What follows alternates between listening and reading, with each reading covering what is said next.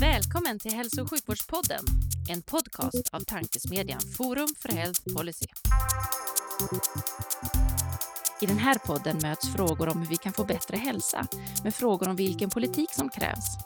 Det kommer bli samtal om personcentrering, ledarskap, digitalisering, organisation, politik och mycket mer.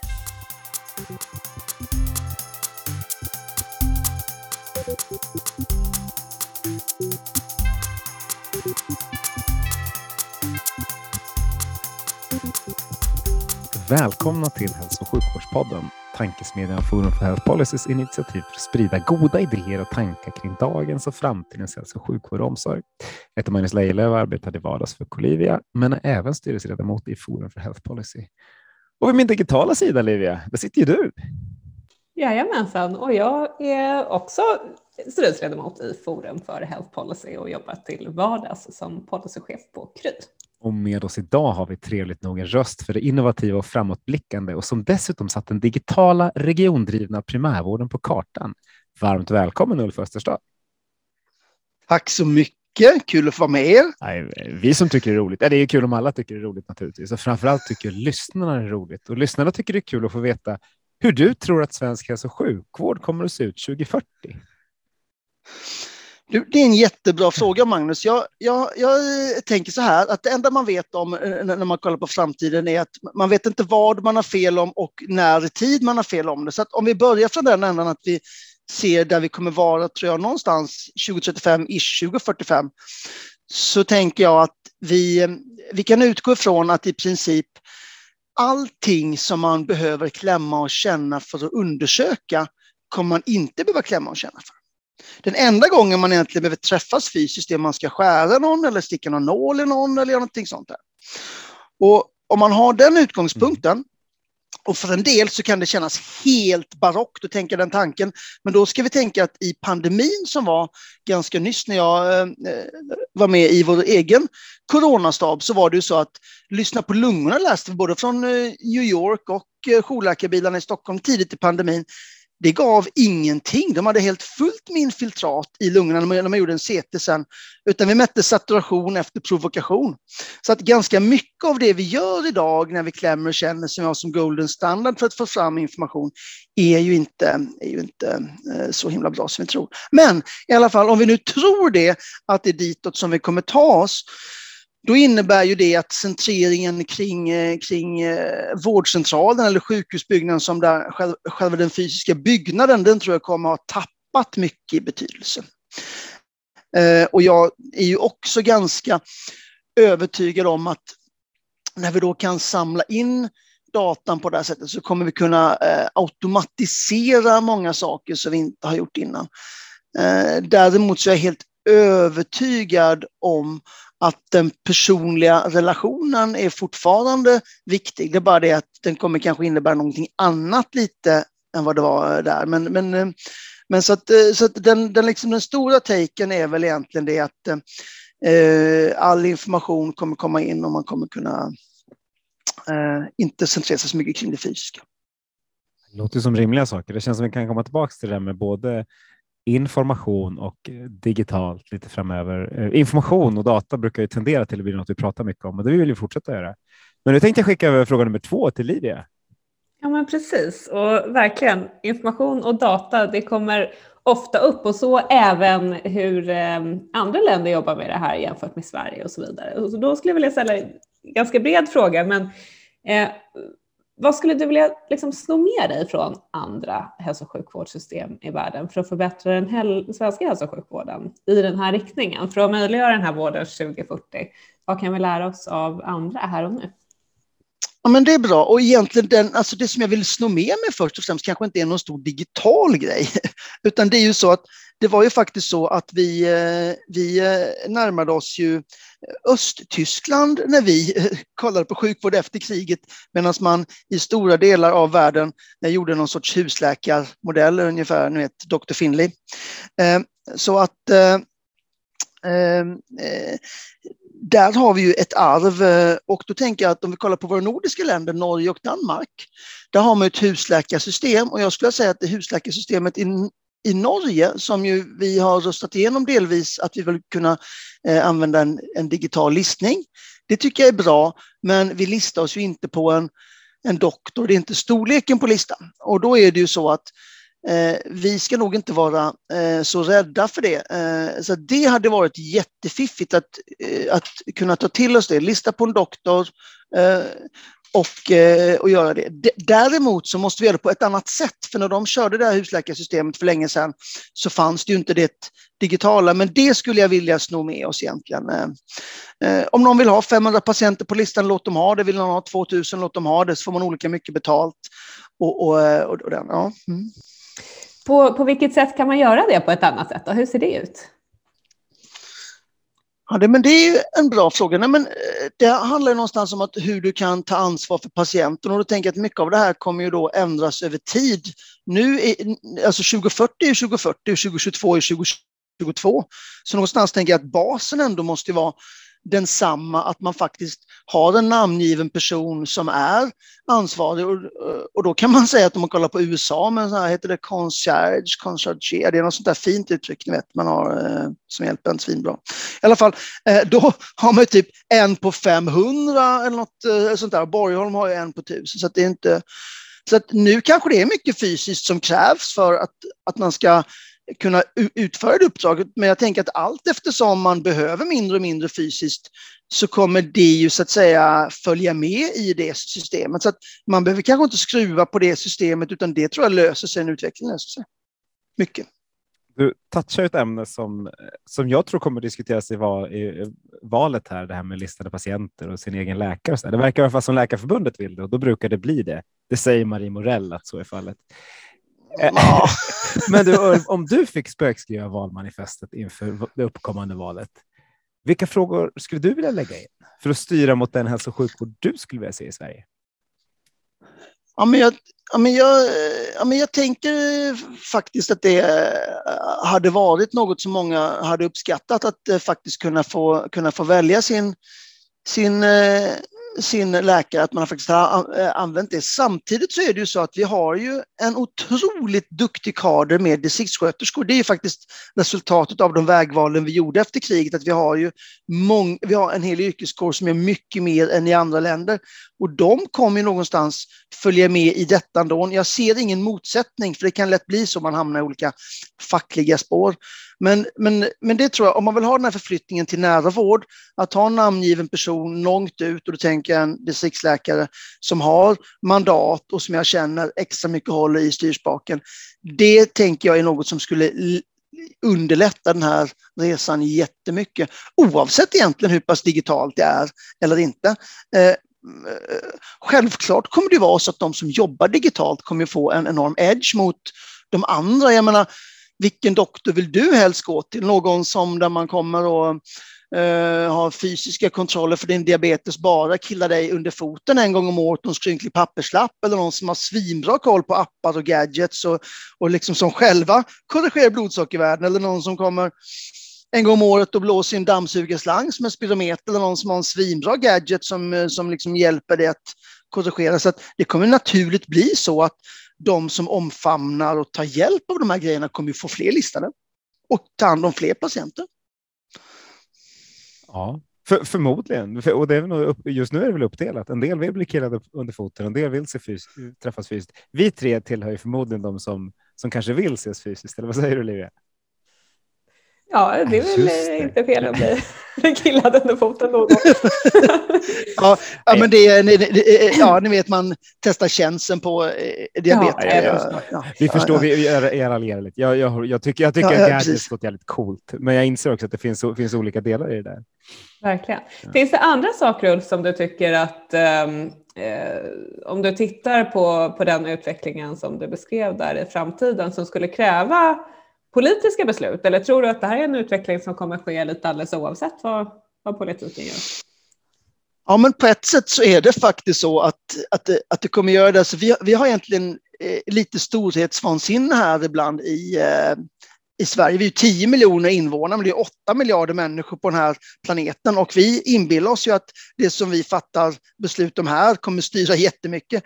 Medan det är naturligtvis det är ju trender som, som är globala som kommer vare sig vi vill eller inte. Om det kommer komma otroligt bra funktioner eh, både med AI och olika saker som mäter så, så kommer människor ta till sig det och det kommer styra och det kommer komma vare sig vi vill eller inte. Men having said that, om man nu ska kratta i manegen och styra rätt, så tänker jag ju på eh, sjukvårdens motsvarighet till PSD2-direktivet, om ni, om ni känner till det. Jag tror jag kan vara bra för eh, både mig och eh, övriga lyssnare att få en liten förklaring till. Ja, men du vet, när, bank, när GDPR kom, det känner ju de flesta till, då kom det samtidigt de som heter PSD2-direktivet som gjorde att alla banker var tvungna att släppa in och öppna upp för tredjepartsinvändare. Eh, inte invändare, användare. Eh, så att oavsett om du har SCB eller Nordea eller vad så ska du kunna betala räkningar från Facebook eller någonting annat eller ha en annan app som har koll på på dina grejer. Och det var ju egentligen en otroligt eh, stor regleringssak som ju inte handlade om att liksom låsa in folk utan om frihet. Och då tänker jag att eh, när vi har mycket av de här IT-systemen så lägger man ner mycket tid på att man ska ha ett stort system och man ska ha en grej och det är det som är det viktiga.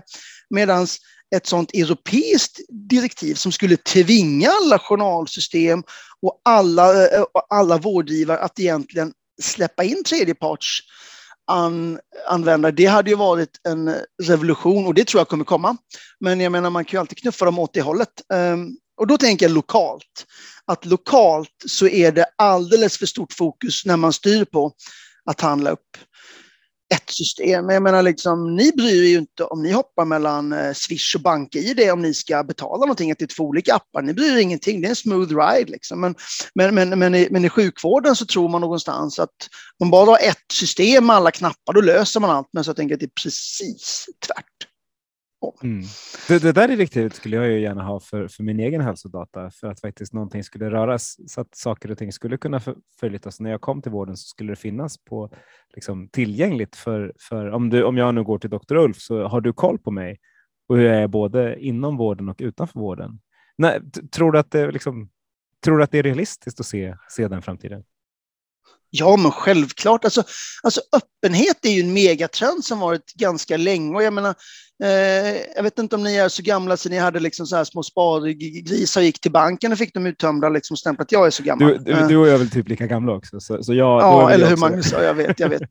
Men i alla fall, eh, på den tiden då, då hade man ganska begränsad koll på sina pengar och aktier skulle ha koll på sånt också. Men idag, jag menar att inte ha full koll på alla sina aktier och, och liksom pengar och så här, det är ju liksom, det är ju ett övergrepp. Och, och någonstans så tänker jag att det är så med min, med min personliga information och min journalinformation. Det är ju min data.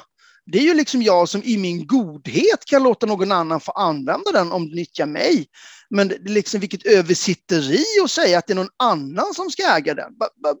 Och liksom, här har vi många av dem svårigheterna när vi i regionerna ska handla upp IT-system. Då har vi fastnat i limbo bara för att vi tänker att vi äger datan. Det är liksom ett sånt stort feltänk från början. Så om man bara klargör en gång för alla att det är patientens data som de i sin godhet vill låna ut till oss, då behöver vi inte lägga ner så mycket energi på att den ska hamna rätt eller inte. Liksom. Sant. Det är många bra bankreferenser på dig, Ulf. Jag vet inte varför jag hamnade där. Jag, alltså, kanske ni lockar fram det, det hos mig? Det. Det, är, det är det ekonomiska hos Livia. Du Livia, ska du skjuta in patienten? Så vi får eh, absolut, precis. Nu tar vi oss eh, från, från banksymboliken eh, här till eh, Nej, någonting betydligt viktigare. Och det... ja, jag bara tänkte skämt. Eh, och, och bankbranschen är ju en sån bra, för det är en sån, bank, sån bransch som så många kan relatera till, som har förändrats så i grunden. Så att det är nog, är nog därför som jag ofta när jag pratar med andra, för att få dem att förstå förändringen, så drar jag ofta, ofta dem. Så att det, det är nog där. Ja, det, ja. det, det, är en bra liknelse, det är absolut inget sånt. Vi försökte bara bli så här, nu ska vi tillbaks. vi, vi kommer tillbaks till bankerna sen. Förlåt, Livia, kör. Så är det. Nu eh, pratar vi om någonting eh, ännu viktigare och det är det här också som avrundar vår lilla faktaruta. För vi har ju faktiskt eh, hittills bara tagit oss igenom våra första tre frågor här i podden. Och då skulle jag vilja att du delar med dig av din finaste patientanekdot. Du, jag kan faktiskt ta en som var ganska nyligen, bara någon månad sedan och där den är inte så finstämd, men jag tycker att den är fin. Eh, en patient som gick till mig som jag följde upp för eh, depression som eh, jag visste var ganska dålig och som helt plötsligt inte kom där på måndag, som alltid var i tid annars. Svarade inte när jag ringde. Och jag bara fick en sån dålig magkänsla. Satte mig i bilen, åkte dit, aldrig varit där innan. Bilen var där, märker det oj, jag Eh, den här personen kanske är hemma, tänker oj, ska jag smälla en ruta? Märker att det är öppet. Se ett avskedsbrev där fram. Jag bara rusar genom hela huset och skriker, hittar patienten i sängen och har då alltså försökt ta livet av sig själv. Smärtstimulerar och liksom verkligen, ni vet, ja, bröst och slår och samtidigt liksom ringer 112 och försöker få ut Ehm, liksom vad det är som har hänt. Och, eh, ja, sen kommer ambulansen efter en, en, stund som känns som en evighet och jag hittar eh, lite piller och, och, och Vikem motgift så att patienten vaknar till och den här patienten landar sen på sjukhuset och mycket svåra skador men ja, jag har ju sen pratat med den och eh, den är på väg tillbaka och den är ja, det är väldigt starkt någonstans för det, för det påminner ju mig om att varför man håller på med det här, det är ju för patientens skull. Och, och, och det, är liksom att det är därför jag gör allting jag gör, det är ju för patienten. Och, och, och, och jag struntar väl i PM eller exakt vad den är, utan det, det, är, liksom, det är liksom det fokuset. Och, ehm, och det kände jag här att, eh, ja, den gången gick det bra. Värsta superhjältehistorien. För det är just det här att, att vara läkare och faktiskt veta om, känna sina patienter, det gör mycket. Eller hur? Oh. Det har ju ingenting om, om det är fysiskt eller digitalt. Nej, det var, det var, det var riktigt starkt faktiskt. Mm, ja, det får jag säga. Jag är schysst att du berättar om det, för det där är liksom verkligen sånt som man, man kan tänka på. Och hur, hur, vikt, hur viktigt det är att vi faktiskt ser patienterna. Oj, det var starkt på alla sätt. Vad, vad glad jag blir att, att det är en, ännu en människa i livet. Hoppas att det fortsätter. Tack. Mm. Eh, ska försöka så här, i stämningen glida från, ja. från det och vidare ja. till och, och, och, och, fråga vem du är. Eh, Ulf, vad gör du idag eh, på jobbet? Ja, precis. Men jag är chef för Bra Liv Nära som jag grundade 2015 som är då eh, vårdcentralen Bra Livs digitala eh, enhet. Och man kan säga att eh, i den så har jag två olika jobb. Det ena är att jag är ju då chef för det som jag kallar vårt gemensamma utbud. Där jag då har medarbetare som till olika vårdcentraler sitter också i olika länder faktiskt, där de då gemensamt servar regionens invånare. Och den andra delen av samma jobb så, så, att säga, så har jag ett superanvändarnätverk och jag ser mig som en lokalföreståndare för de digitala lokalerna hos de enskilda vårdcentralerna och hjälper dem bygga sitt utbud. Och så då så, och så också försöka få ihop det här så att, så att det blir en bra dynamik, att det gemensamma utbudet liksom eh, skyddar och stärker det lokala. Och sånt. Så att, eh, och i, inom ramen för det så försöker driva sjukvården framåt. Det är ständigt nya frågor man får ta då och, nu, och försöker också ta in innovationer. Och, ja, men det är min huvuduppgift. Sen har jag ju då också att jag har klinik en dag i veckan och, och någon bakjour ibland och sen är jag medicinsk rådgivare i Vaggeryd. Det hjälper dem lite. Och eh, mm, så vår leverantör Visiba Care, de eh, har hjälpt i, i, i många år också med lite medicinsk input. Det, låter... ja, det är nog den grova sammanfattningen. Ja, men, det låter som du har ett ganska roligt jobb. Svinkul, jag har bra variation. Det, alltså, det är det som är grejen för mig, har jag kommit på. Eh, jag gillar inte att göra samma sak varje dag, så att jag menar, jag älskar ju eh, mitt patientarbete. Jag blir aldrig less eftersom det är bara eh, en dag i veckan och då finns det liksom ingen nedsida. På samma sätt med chefsjobbet, eh. Att det, det är liksom så många olika delar i det så att jag, liksom, så att jag slipper hamna i förvaltningsträsket. Ja. Var du med när ni kom fram till namnet Bra liv eller var det innan din tid?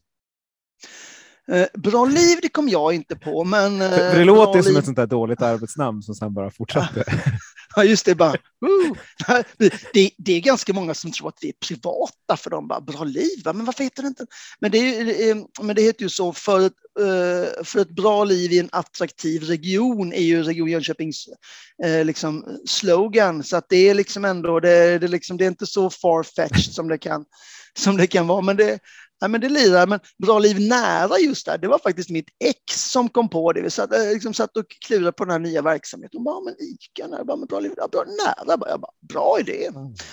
Ah, då kommer ICA in i den här podden igen. Det, det tycker vi är bra. Det oj, oj, oj, oj, banker och ICA. Nu kanske det blir för kommersiellt. Ja, verkligen inte. Jag tycker vi ska återkomma till ICA sen. Men hur, hur hamnade du i din roll? Jag, jag vet att nu är det fredag eftermiddag du och jag spelar in och, ja. och första gången vi träffades var i Almedalen. Liksom, så jag, det är temat, att det är den här fredagskänslan när vi pratar. Men, ja, det, men, men, hur hamnade du i, i den rollen du nu? Vad har du, vad har du gjort innan för att hamna där? Ja, men du, var, alltså, du vet, eh, ja, men jag gjorde min A-test. Jag var i Sylfs för, förbundsstyrelse. Det var nog där det kanske mycket, mycket började. Jag tänkte egentligen att inte jag skulle vara facklig överhuvudtaget. Jag tyckte att det var för hög medlemsavgift och så här. Och, och där. Men så blev jag indragen liksom och sen, eh, sen åkte jag upp till Stockholm på ett sånt där, på ett, eh, något gemensamt möte. Men ska inte du jobba centralt? Bara, jag tänkte jag, jag är liksom... Men, men eh, det var fantastiskt faktiskt, två år där. Och Sen, men det ena gav det andra när man väl liksom öppnat ögonen att, att se att det är så mycket man kan göra så, så, så går, går det liksom inte att stänga ögonen igen. Förstår du vad jag menar? Ja, absolut. Det är liksom, eh, nej, men så att jag varit vice ordförande i SFAM. Jag har också ett litet tag konsultat eh, med effektiv administration faktiskt. Det var jag halkade in på det. Jag har ju fortfarande kurs i allmänmedicinskt arbetssätt, tog över av Olle Lyngstam. Superkul. Hyr ett segelfartyg ett par veckor om året så fyller det med allmänläkare så pratar vi om det som är viktigt med allmänmedicinen. Eh, men sen någonstans där så behövde jag ta nästa steg och då så kände jag nog att nej, men det är nog chef jag behöver bli om, om man liksom vill att saker ska hända på riktigt. Jag blev chef för Rosenlunds och Tenhults vårdcentral i Jönköping 2013. Och sen då, ja, 2015 så startade jag Bra Liv Nära. Aha. Det var nog en summary där. det är bra. Så det är, det är ingen spikrak väg för att bli chef för, för Bra Liv, nära verksamhet, det kan man säga. Nej, men alltså, jag, alltså, en del som inte känner mig, de tror ju att jag gör saker och ting för att jag vill ha någon sorts karriär, men det handlar om att jag är mer lustdriven, att jag gör roliga saker. Och har man öppna ögon så ser man roliga saker och då liksom om man om man gillar att säga ja till saker och ting så, så hamnar man eh, någonstans förr eller senare. Ja, men det, och det är ju så, alltså, absolut, det, det förstår jag. Det var, var mest att vi brukar försöka fråga om, om så här, vad man har gjort innan för att hamna någonstans. Det finns ingen spikrak väg någonstans. Det är alltid massa bananskal, alla hamnar på olika ställen. ja, det, är väl, det. det, är väl så det ska vara. Liksom. Eller hur? Livet, jag menar, tänk vad tråkigt det var om det var ett Excel-ark och du bara skulle bocka av nästa steg. Va? Fruktansvärt. Ja, verkligen. Och ändå ser de flesta så här karriärsres, ska man ska titta innan för att få tips, så ser det nästan alltid ut så. Att det är som ett Excel-ark framåt. Liksom. Men jag tror, alltså Magnus, jag tror att om det ska bli bra så tror jag att man ska tycka att det är kul och man ska vara lustdriven. Alltså jag har svårt att se att man kommer göra ett riktigt bra jobb om man inte tycker att det är kul faktiskt. Nej, helt enig med dig. Det lust, lust är en bra drivkraft, det är inget snack om den. Det och ilska kanske. ja, den är, den är, lite mer kortvarig, liksom. den brukar inte funka så Men sjukt effektivt. Du, eh, om du driver en, vad sa du, en två veckors kurs i allmänmedicin, och viktigt? Nej, den är, den är en eh, vecka, men jag kör den två ah. gånger, en på före och en på eftersäsong. Okay. Topp tre viktigaste saker eh, om allmänmedicin? Oj, eh, men, att, att förstå att det är en, en, en egen specialitet man är bäst i, en egen gren. Man är inte näst bäst på allt, utan man är bäst i en egen gren och man är ju bäst i att skilja friskt från sjukt. Man är bäst på att kunna hantera allt, men inte kunna allt. Eh, och eh, man är expert på eh, patienten, både bygga relation och sköta konsultationen. Och har man de här tre grejerna i huvudet som ledstjärna, då kommer man inte fel. Nej snygg sammanfattning. Eh, Delar av de där när man lyssnar på dem låter som något som en algoritm borde kunna bli bättre på än vad vi människor är. Skilja frisk från sjuk till exempel. Just det. Ja, precis. Och, och, och det här är ju intressant för att jag tänker att, att det är ingen, ingen motsättning mellan att vara en bra allmänläkare och bra kontinuitet och kunna mycket av det klassiska och ta till sig mycket av det nya. Det handlar mer om hur vi gör det. Om man tänker på algoritmer så när man med, med AI så landar ju många ganska fel för de tänker att ja men du vet, eh, du kan aldrig låta en dator vara bättre än åtta utvilade hudläkare som tillsammans tittar på ett hudutslag. Den kommer inte vinna datorn. Nej, alltså den kommer inte vinna just nu om man jämför med det bästa fallet. Men om du börjar med det som man kan automatisera och det som man kan ta det sämsta fallet. Är det så att en dator kan vara bättre eh, nu är det sensitivitet och specificitet, ja. att kunna med en högre lägstanivå säga vad som absolut är friskt. Ja, men det kan de nog faktiskt. Så att man får liksom jobba sig nerifrån och upp. Och det, jag menar om du har en självkörande bil, jag vet inte om du har det Magnus, har du, har du fått en Tesla nu? När Nej, jag har inte det. Alltså. Det, det, är, hård, det är hårda bud. Jag är i regionen och jag har en Tesla. Ja. Men i alla, fall, i alla fall, då är det ju så att jag är helt säker på att den kan ju köra mycket bättre än vad den tillåts ja, att göra. Absolut. Men någonstans så släpper man ju bara på det när man är helt säker. Och om man närmar sig på det viset så kommer man ju ha stor behållning av det och då ser jag inga risker. Nej, men det, och det, var precis lite det jag liksom var på väg mot. För mycket av allmänmedicinen är liksom, det, basen i det vi har och bland det viktigaste vi har. Men vi, eftersom vi inte har lagt på den, den AI-bit som redan finns idag. Vi skulle kunna få så sjukt mycket mer hjälp om man tittar på de algoritmer som finns. Det Babylon har gjort och det, liksom, det som, som vi börjar bygga eh, men som vi än så länge inte nyttjar den fulla potentialen av. Det, jag bara, bara när, när kommer vi göra det? Men det är bra.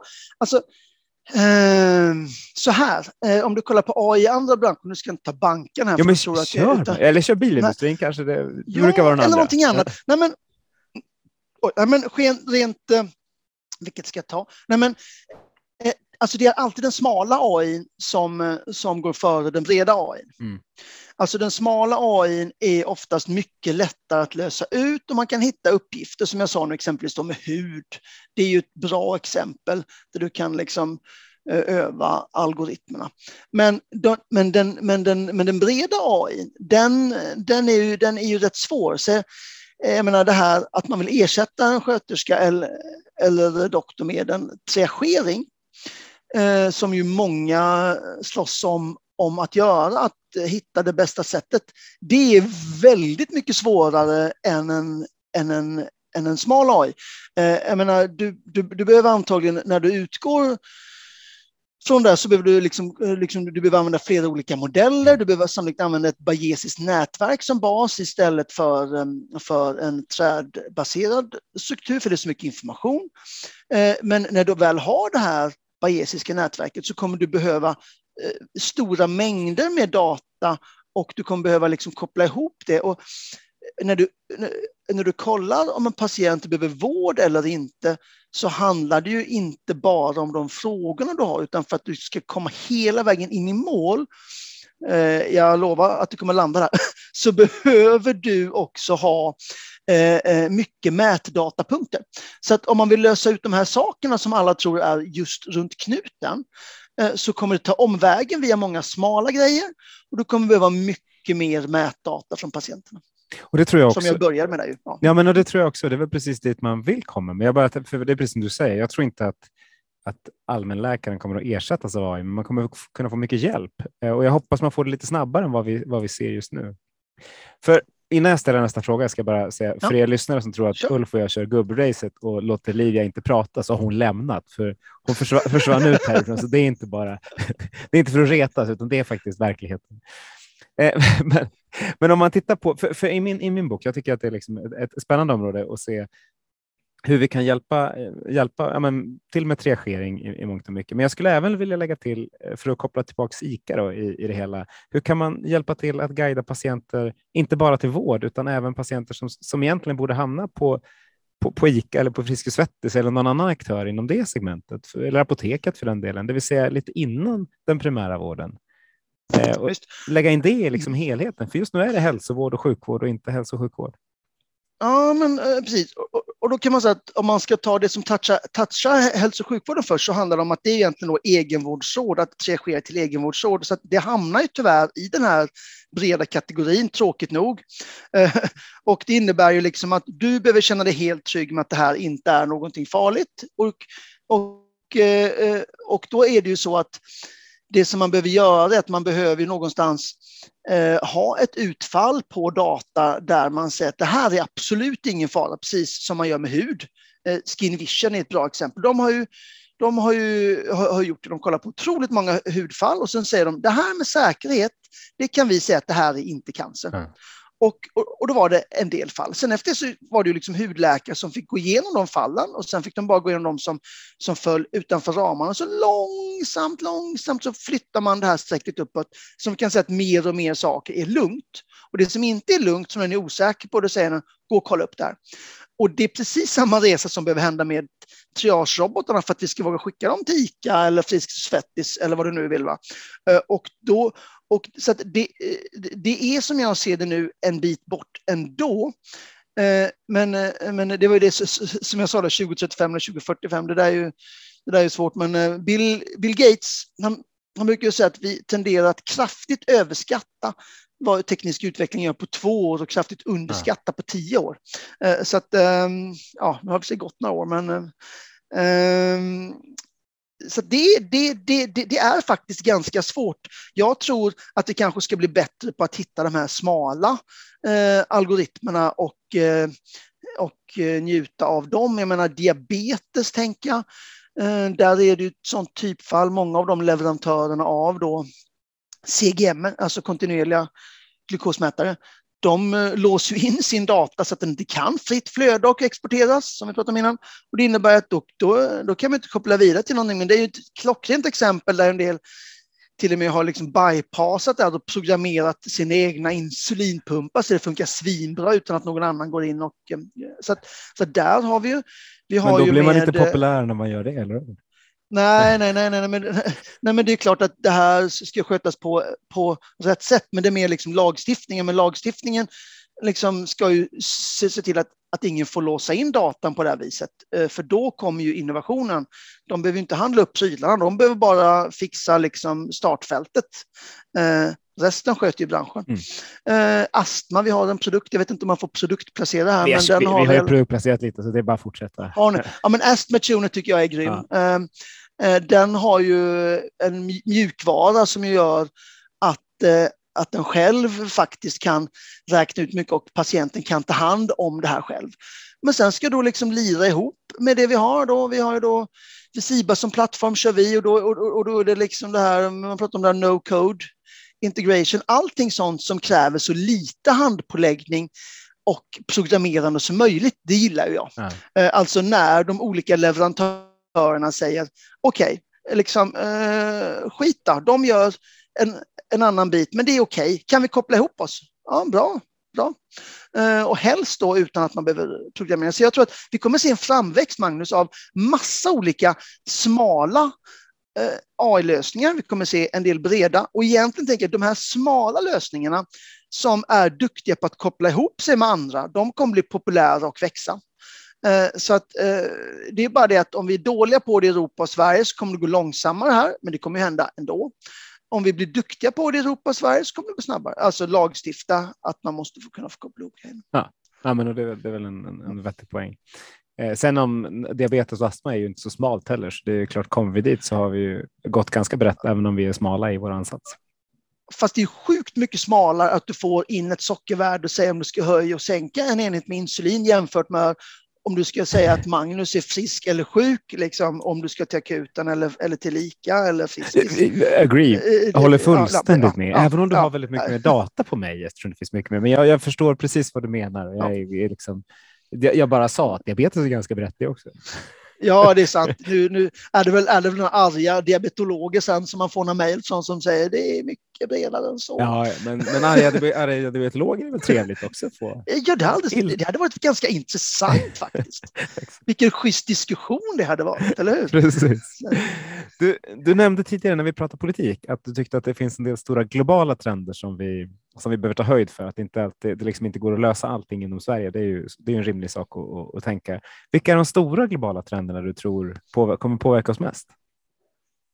Ja, men öppenhetstrenden har ju liksom, den, den är ju ongoing så att säga. Ja. Eh, så att den, den, den är ju så att säga, den påverkar oss fortfarande. Och den är, kan man säga är ju slash privacy. Eh, det är, det är både att det ska vara öppet men också eh, att man ska få äga det själv. Nej, men jag tänker om man tog, då kollar hälso och sjukvårdsmässigt då, så tänker jag att de stora trenderna jag ser är att man kan mäta mer och mer saker med eh, bara enkla konsumentsaker som man kan koppla ihop. Om, alltså, om du köper en våg på NetOnNet Uh, oj, igen, fasken. Jag, mycket för att jobba i Region Jönköping, Region Jönköping, Region Jönköping. Så nu har jag fått lite balans i det. Jo, nej, men om, om du köper en våg så kommer den säga, har du Apple Health eller Google Fit? Kommer den säga, mm. okej, okay, jag är en av dem. Och så, så kommer datan in där. Om du köper någon, uh, ja, någon uh, annan pryl uh, så kommer datorna samlas i just de här två ekosystemen då som Apple och Google har. Och, och, och där ser vi ju en del intressanta grejer. Um, Ja, Nurra, det är inte ens svenskt, den som det är noterat. men det är kul engelsk app. Jag menar, den, den, så kollar den på några mätpunkter i ansiktet bara. Den är gratis, den kan ni ladda ner och testa. Mm. Och då får den fram andningsfrekvens och puls utan att den eh, har någon enda device. Du kan ha vilken dålig telefon som helst. Kameran och mjukvaran räcker de här grejerna kommer ju bara öka. Liksom, att i vanlig consumer electronics, vanliga hushållsgrejer, så får du massa data utan att du behöver köpa några flashiga prylar. Visst är det så. Eh, en sak som diskuteras där rätt mycket är vilka prylar ska man ha? Vilka appar ska man ha? Vilka tekniska, tekniska devices är ju en sak. Det blir liksom CE-märkt och så, men så, det finns ju en miljard olika appar som hjälper dig med hälso och sjukvård på bra eller dåligt sätt. Aha. Hur känner du som läkare? Det finns ju liksom inget riktigt akkrediteringssystem som säger att den här är bra och den här är dålig. Hur, hur tänker du när patienterna kommer med, kommer med sin app? Är det bara att köra eller guidar du? Eller hur, hur gör man? Vad roligt det hade varit om de hade kommit med sin app, Magnus. Det önskar okay. jag, men det är inte så ofta de gör det. Men jag brukar ställa den här frågan i, ibland när jag föreläser. Vilken av regionens hemsidor går ni in på innan ni laddar ner någon app? Och det här liksom ställer jag även till de som är så initierade regionmänniskor. De ser ut som fågelholkar allihop. För det är ju så, liksom, det är det som dyker upp i App Store eller som någon kompis har. Så att, så att jag menar att, att tänka att vi ska ha koll på det, Eh, det tror jag är att, eh, att tro sig om lite för mycket, för den utvecklingen går ju så pass fort. Eh, eh, utan jag tror mer att man får tänka att de här apparna får liksom använda olika delar som har olika former av märkning. Och då vet man att om appen i sig har någon komponent som har någon sån märkning, då är, är, det, är det liksom grönt. Då. Alltså det, det, det finns nya EU-direktiv här då för mjukvaran. Så jag tror att en del sådana initiativ kommer nog vara eh, att man får, eh, men, men att, styra, att styra patienterna kommer ju inte gå. Det får vi ge upp, men att däremot som vårdgivare, då tror jag eh, att, att man får kolla på den här lagstiftningen. Sen är det ju, mm, vad var det nu, det var en tvådelad fråga. Det ena var vilka appar, ja, Ja, nej, men så Tyskland, de har ju ett sätt då, när de tittar på appar så har de ett ersättningssystem för det. Alla bara, åh, man ska göra som i Tyskland. Men så pratade man med det var ju någon som regeringen där, eh, eller Svenska Handelskammaren som bjöd in mig, jag var på, på något möte och det visar att det är knappt någon som använder det alls.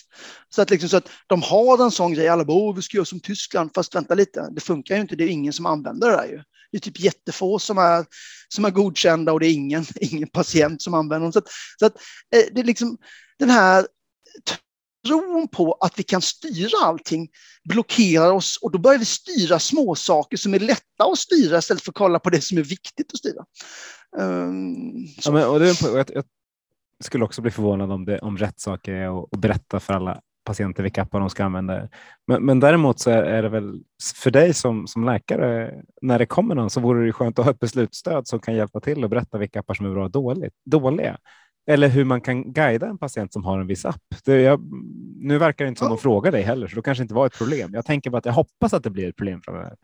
Ja, men du, åh, helt rätt Magnus. Men där hoppas jag verkligen att när jag jobbar i vården så får jag verktyg som är helt öppna för att ta emot all data från alla devices oavsett om det är Apple eller Google eller vad det än är. Det skulle jag vilja. Sen är det klart så får man då tänka hur är det liksom fin data eller ful data? Det får man försöka tagga på något sätt.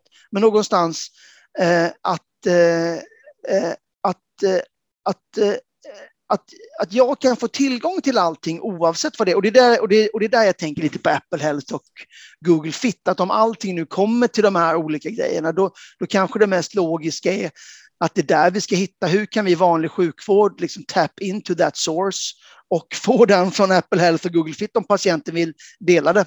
Det, det är ju, där tror jag är nyckeln. För nu ibland när man är i olika monitoreringssystem, då liksom så blir man inlåst att man tänker att sjukvården ska komma släpande och eh, köpa någon blodtrycksapparat eller någonting. Liksom. Så det är liksom mycket hårdvara och jag tror att om vi kan släppa mycket av hårdvaran och helt enkelt eh, ja, hitta de här eh, liksom, eh, lite märkningar som ju finns, men framför allt att vi bara kan ta emot datan då kommer vi få en, en accelererad användning. Tror jag. Ja. Det, det, ja. det, är nog sant. Ett, ett annat tips för er som lyssnar är att, att, att läsa Futuristen på LinkedIn, en skön, skön snubbe som, från Tjeckien tror jag som skriver om, om framtiden. I morse skrev han... The Medical Futurist. Exakt, det, var ett sjukt ja. coolt namn eh, och, med många prickar över sig. Så skrev han om eh, AI-lärare i morse och är det de som ska hjälpa oss att få liksom tillräckligt mycket medicinsk medicinska, eh, professionella medicinska anställda, vad ska vi säga, de, sådana som jobbar i vården helt enkelt. Eh, och då funderar jag på hur tror du kompetensförsörjningen framåt? Det är en sjukt stor fråga. Vad, hur tror du vi löser den framåt?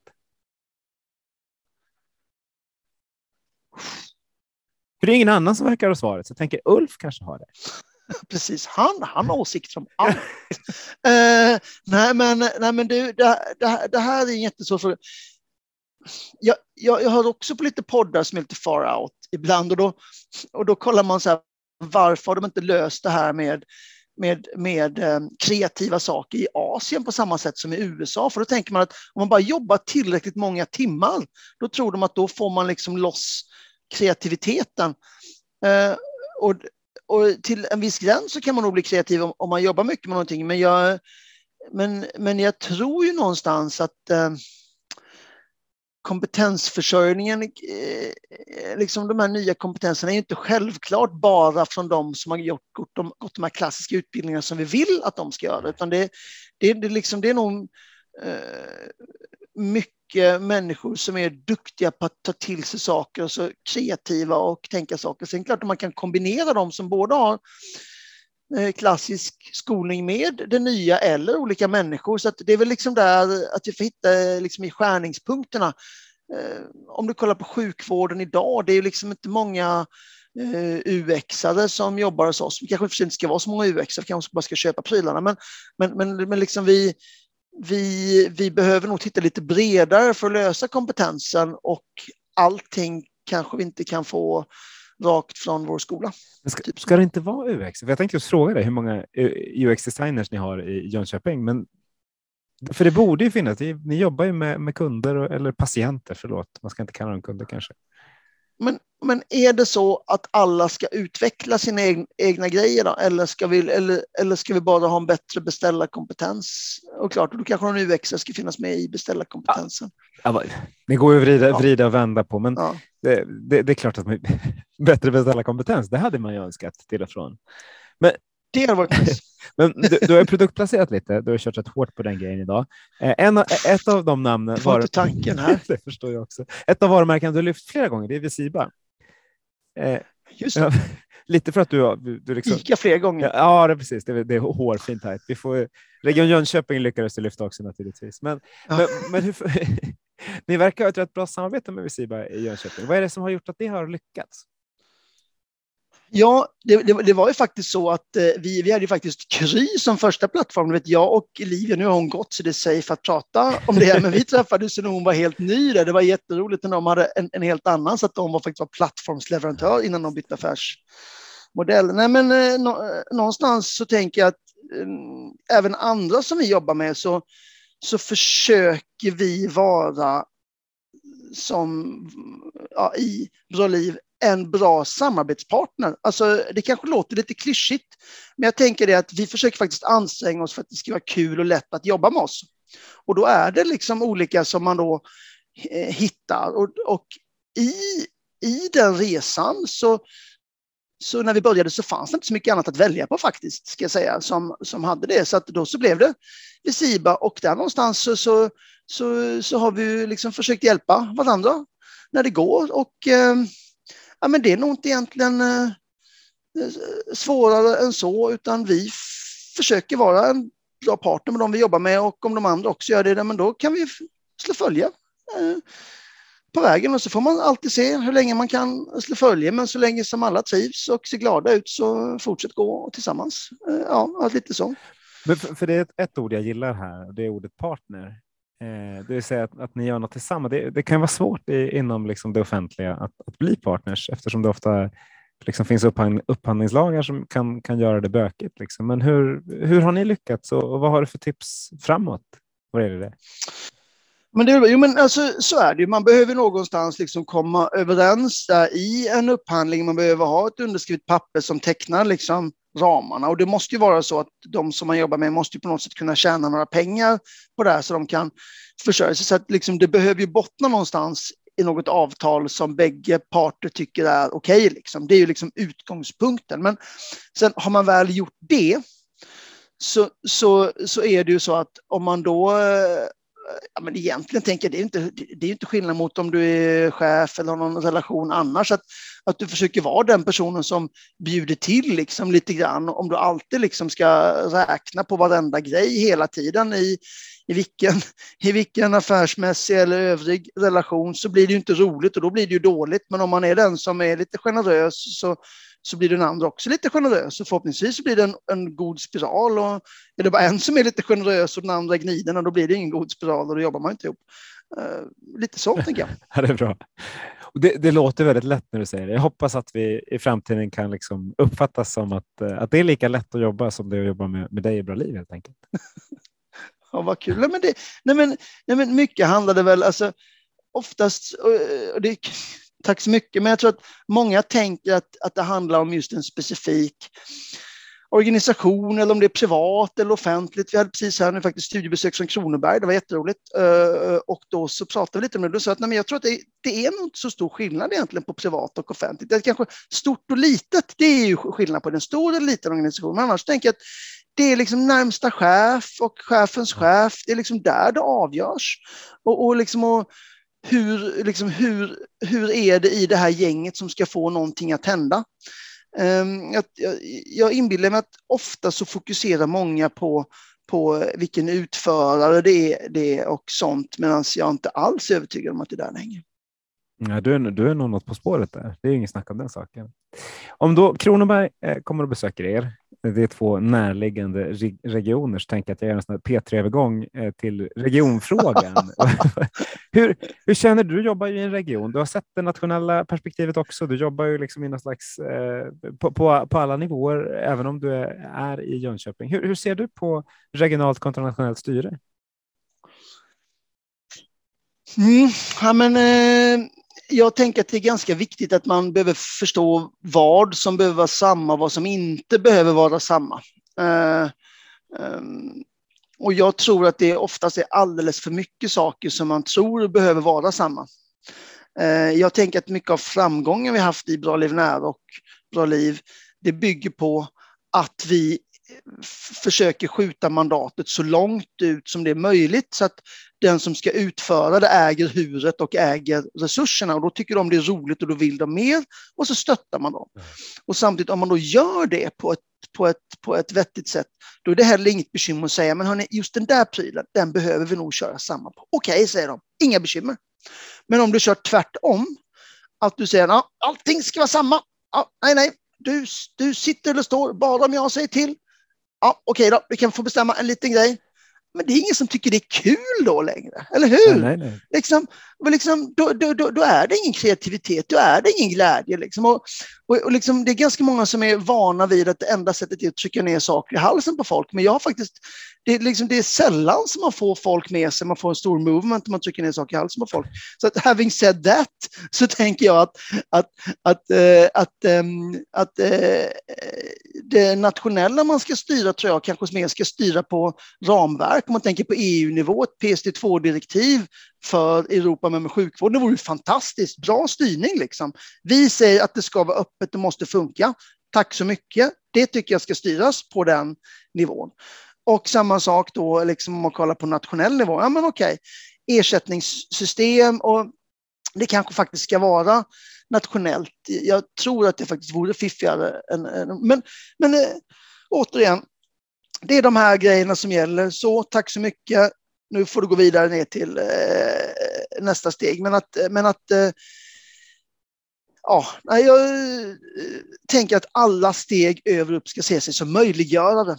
Jag tänker att mitt jobb som chef är att ha ett paraply för mina medarbetare och kratta manegen så de kan göra jobbet. Och jag vill att min chef ska göra samma sak för mig och så vidare. Om alla är duktiga på att hålla upp paraply och kratta manegen, då blir det bra. Ja, det, låter helt, det låter helt rimligt på alla sätt och vis. Eh, och, Tyvärr är det ju inte alltid så. Nej, exakt. Om, ja. du fick ta, om du fick ha en helt blank spelplan Ehm, och så fick du antingen, du får välja på två ämnen här, eh, antingen introducera framtidens vårdinformationsmiljö för hela Sverige. Det kan vara uppdelat, det får du bestämma precis hur du vill, eller precisionsmedicin. Hur skulle du rita upp det då? Hur, vad skulle du göra nationellt? Vad skulle du samordna? Vad skulle du göra regionalt? Men, ja, men, ja, men, vi, ja, men vi kan väl ta den här då omöjliga men första saken då, som faktiskt skulle den här framtidens vårdinformations... Eh, då skulle jag verkligen eh, fokusera på att det skulle vara eh, öppenhet som skulle vara i grejen. Eh, eh, inte att det ska vara ett system på alla, för få system gör ju att jag, jag, jag är jätteorolig faktiskt för att det är så få system som, och att det gör att det blir mindre öppenhet. Så att, skulle jag ha framtidens vårdinformationssystem, då, då, då, då skulle jag foka stenhårt på att kravställa på öppenhet. Det är det enda som jag skulle kravställa på nästan. Och sen skulle jag då låta de här eh, olika systemen då eh, kunna växa fram. Det skulle ju göra förutsättningarna för oss att kunna använda mycket mer grejer och kunna jobba mycket snabbare. Ja. Man försökte ju lite det i Stockholm och misslyckades med den upphandlingen för att det var svårt att svara upp på den. Vad var, ja, vad var, vad var, just det. Det, är, det är enkelt att säga, jag har inte sagt att det är enkelt att göra. nej, jag, jag håller med. Jag bara, jag bara ja, tänkte, nej, hur, det... hur, löser man det här? För, för, vi pratar mycket öppen data, vi pratar mycket att, liksom, att, att systemet ska prata med varandra, men det verkar svårt. Ja, men tydligen på PSD2-direktivet verkar det gå jättebra över en natt. Det var svinjobbigt, men alla banker bara ställde om. Konstigt. Ja, och även liksom det finns ju en del privata aktörer. Du pratar, pratade Apple och Google och även Facebook ja. och så som verkar kunna prata med andra system utan att det är så problematiskt. Eller hur? Eller hur? Så det borde ju gå. Nej, ja, ja nej, men, nej, men det är klart, man sitter här på en podd en fredag eftermiddag kan man ju raljera lite och så kan man ta ut svängarna. Va? Men, så att, nej, men, nej, men så här, alltså, jag har stor förståelse för att, att det är svårt. Jag förstår att det är svårt. Det som jag skulle vilja är att jag skulle vilja att man bara fokuserar egentligen på att rita upp spelregler och inte fokusera på att handla upp och, och så eh, specifikt. Sen är det klart, EU-molnfrågan har ju låst in mycket. Det är ju den här elefanten i rummet och vi hoppas väl eh, den här nya Schrems 2, eh, eller rättare sagt Schrems 2 är inte nytt, men den här nya överenskommelsen mellan USA och EU att det kan öppna upp. Men samtidigt så har vi ju låst in oss i tolkningen i Sverige. Ja. Liksom, tolkningen blev ju onödigt uh, hård och eh, det är klart att nu är ju säkerhet superviktigt. Samtidigt så måste man ju fundera på att i IT-säkerhet så är det ju så att en dimension av IT-säkerhet är också tillgänglighet. Eh, Medan ofta så fokuserar man bara på att någon annan inte ska komma åt det. Andra dimensioner av IT-säkerhet är att saker som vi redan använder som är jättedåliga, som ett vanligt telefonsamtal är det ingen som hakar upp sig på, men det är ju superlätt att avlyssna. Ingen identifiering. Mm. Men eh, liksom öppna plattformar eh, liksom, som inte har BankID, det har ju de flesta nu, men liksom om du bara är dubbelkrypterad video, nej men det kan man inte för då saknas den liksom last mile där. Så att, så att jag menar vi, vi, vi, ehm, vi behöver tänka mer på öppenheten, vi behöver tänka hur vi tolkar lagarna. Vi skulle kunna tolka befintlig lagstiftning på ett sätt i Sverige så vi inte skulle behöva göra det så svårt för oss med molnfrågan. Det är jag helt säker på.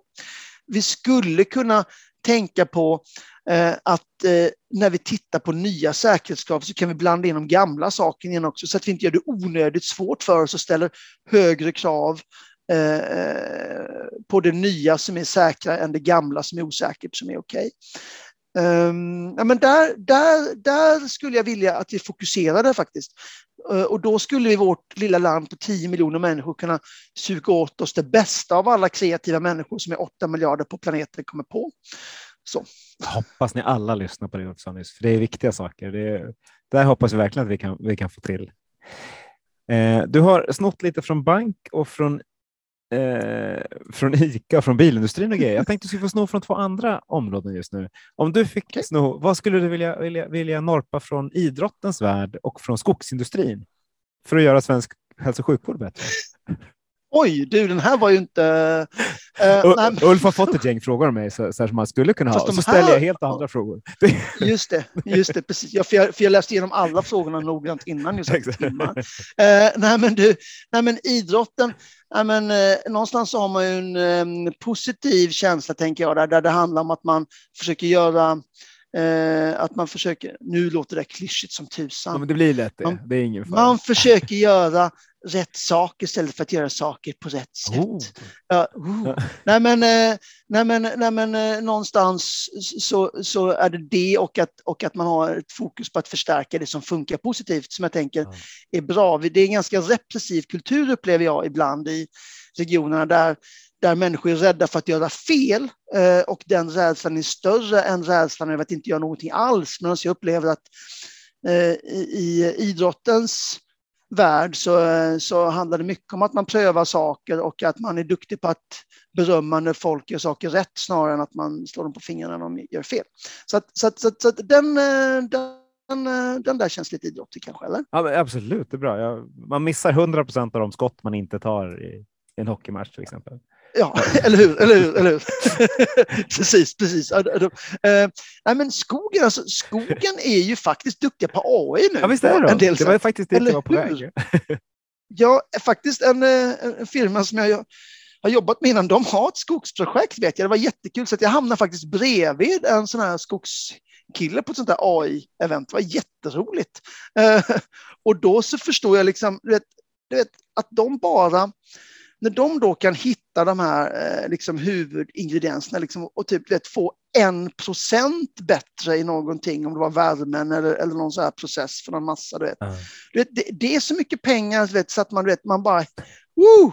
Eh, så att, så att, så att vet, de var ju superglada där, där liksom, för, för det. Och det är klart att i sjukvården finns det ju samma grejer. Jag brukar, jag brukar säga det, liksom, att det, det liksom, om man om det fanns sätt att göra saker på som skulle göra att vi skulle kunna göra saker och ting liksom lite effektivare, några, någon enstaka procent, om man vägrar göra det, ja, då tänker jag att bara okej, okay, då vägrar man alltså att, att ge vård till sjuka människor för att man hinner med mindre vård. Liksom, är det etiskt?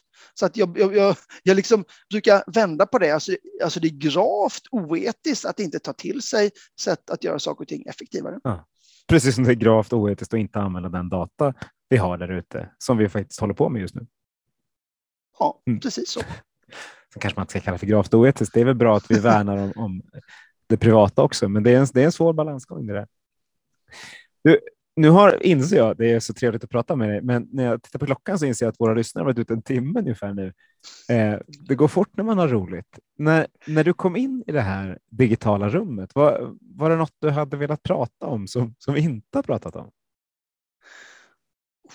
Nej, men, men det här, nej, faktiskt, alltså, det här, det här var jättekul, för det tog inte den vändning jag hade tänkt. Och det kändes som att det var lite nytt och fräscht faktiskt. Oh. Så, att, så att, eh, ja, men det kändes... eh, Mm, ja, jag gillar det här mycket Vad faktiskt. härligt. Ni ska, ni ska veta det att in, innan så sa Ulf, ja, men nu ska vi, får vi bara se till att det inte blir samma gamla snack. Så har jag verkligen försökt jobba lite på det. Så det, jag Ja. är glad jag blev om jag lyckades lite. Ja, ja, men det kände jag. Det var, det var kul. Det kändes fräscht även för mig som pratade. Då. Liksom, hoppas att det finns någon där ute som lyssnar som tycker att det varit någon ny grej de vi inte hört innan. Det skulle ju glädja mig. Jag är helt övertygad om att det är. Men du, då tackar vi varmast en, en fredag eftermiddag som denna för att du tog dig tid att vara med och delade med dig av din klokskap. Eh, och tack alla ni som har lyssnat till Forum för Health Policys hälso och sjukvårdspodd. Låt oss gå ut tillsammans och förändra svensk hälso och sjukvård till det bättre. Tack så mycket.